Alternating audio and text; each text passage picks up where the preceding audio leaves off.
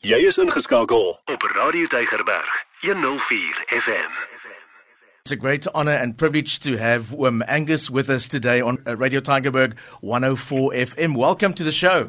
Good morning. Thank you so much, Anton. It's very kind of you to have me on your show. Obviously, we're all aware of the uh, situation in Israel at the moment. It's a, it's a war. It's not just a conflict. Mm. Uh, what is your opinion? Yeah, my opinion is, you know, I really believe with all my heart, Anton, Rouchelle, that we are living in the last days. I don't think anybody can dispute that. I also don't believe that um, this is any coincidence. I really believe that we are coming down to the bottom line now. People need to understand that Jesus Christ is coming soon. There's no doubt about it in my mind. And like never before, the salvation of people is of the utmost importance. You know, Anton, Rouchelle, I've just come back from Israel myself. I think you know that. I had the privilege of leading 300 pilgrims to Israel for 10 days. We just come back about two, three weeks ago. And it is an amazing place. It's Jesus' country. That's what we call the tour. It is a pivotal place on earth. If you look at the Word of God, talks about the Battle of Armageddon, which will take place, plains of Armageddon, final battle. And people sit up and take notice. My heart is bleeding for the people of Israel. Anton, Rouchelle, you know, I'm talking about Jews, I'm talking about the Arabs, I'm talking about the Christians.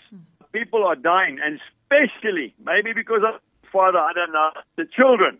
The children, women are really on my heart at the moment, and we need to pray for the peace of Jerusalem, as the Word of God tells us very clearly. They may who pray. Um, so, yeah, I, I really believe that it's a, a critical time for all of us. Pray for the peace of Jerusalem. May they prosper. Love you. Uncle Angus, you as a spiritual leader, can you remind us why it is so important for us to pray for Israel, besides just for now, but just in the future? Yes, absolutely. You know, Rouchelle, I've been to Israel about 40 times. I've spoken at the Feast of Tabernacles numerous times, and there's just something very special about Israel. Now, you know, as far as I'm concerned, when you go to Israel, you know, we talk South Africa. We've been here. The, the settlers came to South Africa maybe, I don't know, in the 16, 1700s, okay? But in Israel, we're talking 6,000 years, you know? Yeah. 2,000 years ago, Jesus was born in Bethlehem. That is a fact. 2,000 years before that, we have David. 2,000 years before that, we have Abraham. We're talking about cradle of civilization. It is the hotspot in the world. It's the home of Christianity, it's the home of Judaism, and it's also the home of Islam. So that is why we have to pray, Rouchelle. Every single one of us need to pray for Israel.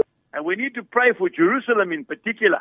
Because Jerusalem is known as the city of Zion. It's the city of God. It's also David's city, but it's a city of God. It's the place where Jesus Christ was crucified.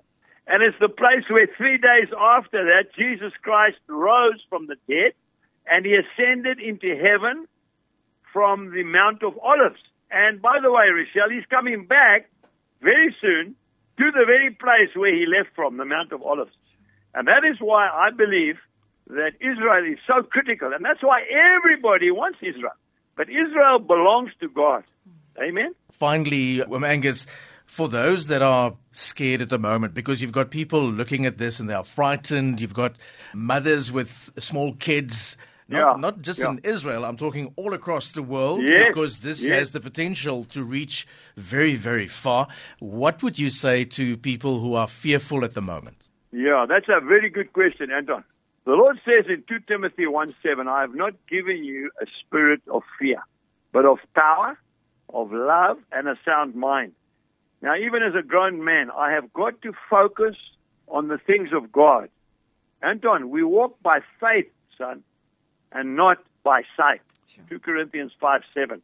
I would say to moms with small children and to young families, keep your eyes focused on the Lord, spend time in the Bible, spend time in prayer, and tell your little children the truth. Hmm. Tell them that Jesus says, I have told you these things. In me, you'll have peace. In this world, you will have tribulation. But take heart, for I have overcome the world. John 16:33.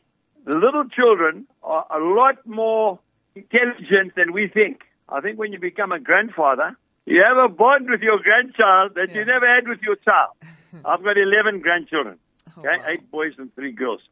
They want the truth and they want it straight. Hmm. And that is what gives them comfort and gives them hope. The Lord said, I'll never leave you. I will never forsake you. Hebrews chapter 13, verse 5. So that is what we need to do. We need to pray together because the family that prays together, Rouchelle, Stays, stays together. Isn't Yeah. that right? Absolutely. Uncle Angus, can we ask you to do a prayer for us? Yes, I'd love to. I just love Radio Tygerberg so much. Heavenly Father, thank you for Anton, for Rouchelle. Thank you for Radio Tygerberg. Thank you for Harder Sevenster, my son in the Lord. Bless them, protect them, protect the children. Most of all, Lord, that we would protect our minds, our minds, so that we'd not have a spirit of fear. Lord, that we'd remember that nothing can happen to us without your permission. So, Lord Jesus, we are looking forward to the coming, the second coming, the final coming, when the Prince of Peace will reign supremely over all the earth. In Jesus' name, amen. Amen. I mean, thank you so much, Om Angus. Have a lovely day. Thanks, Anton. Thanks, Rochelle. Love you lots. Love you too. Bye. Bye. Elke dag jou nommer 1 keuse. Radio Tygerberg 104 FM.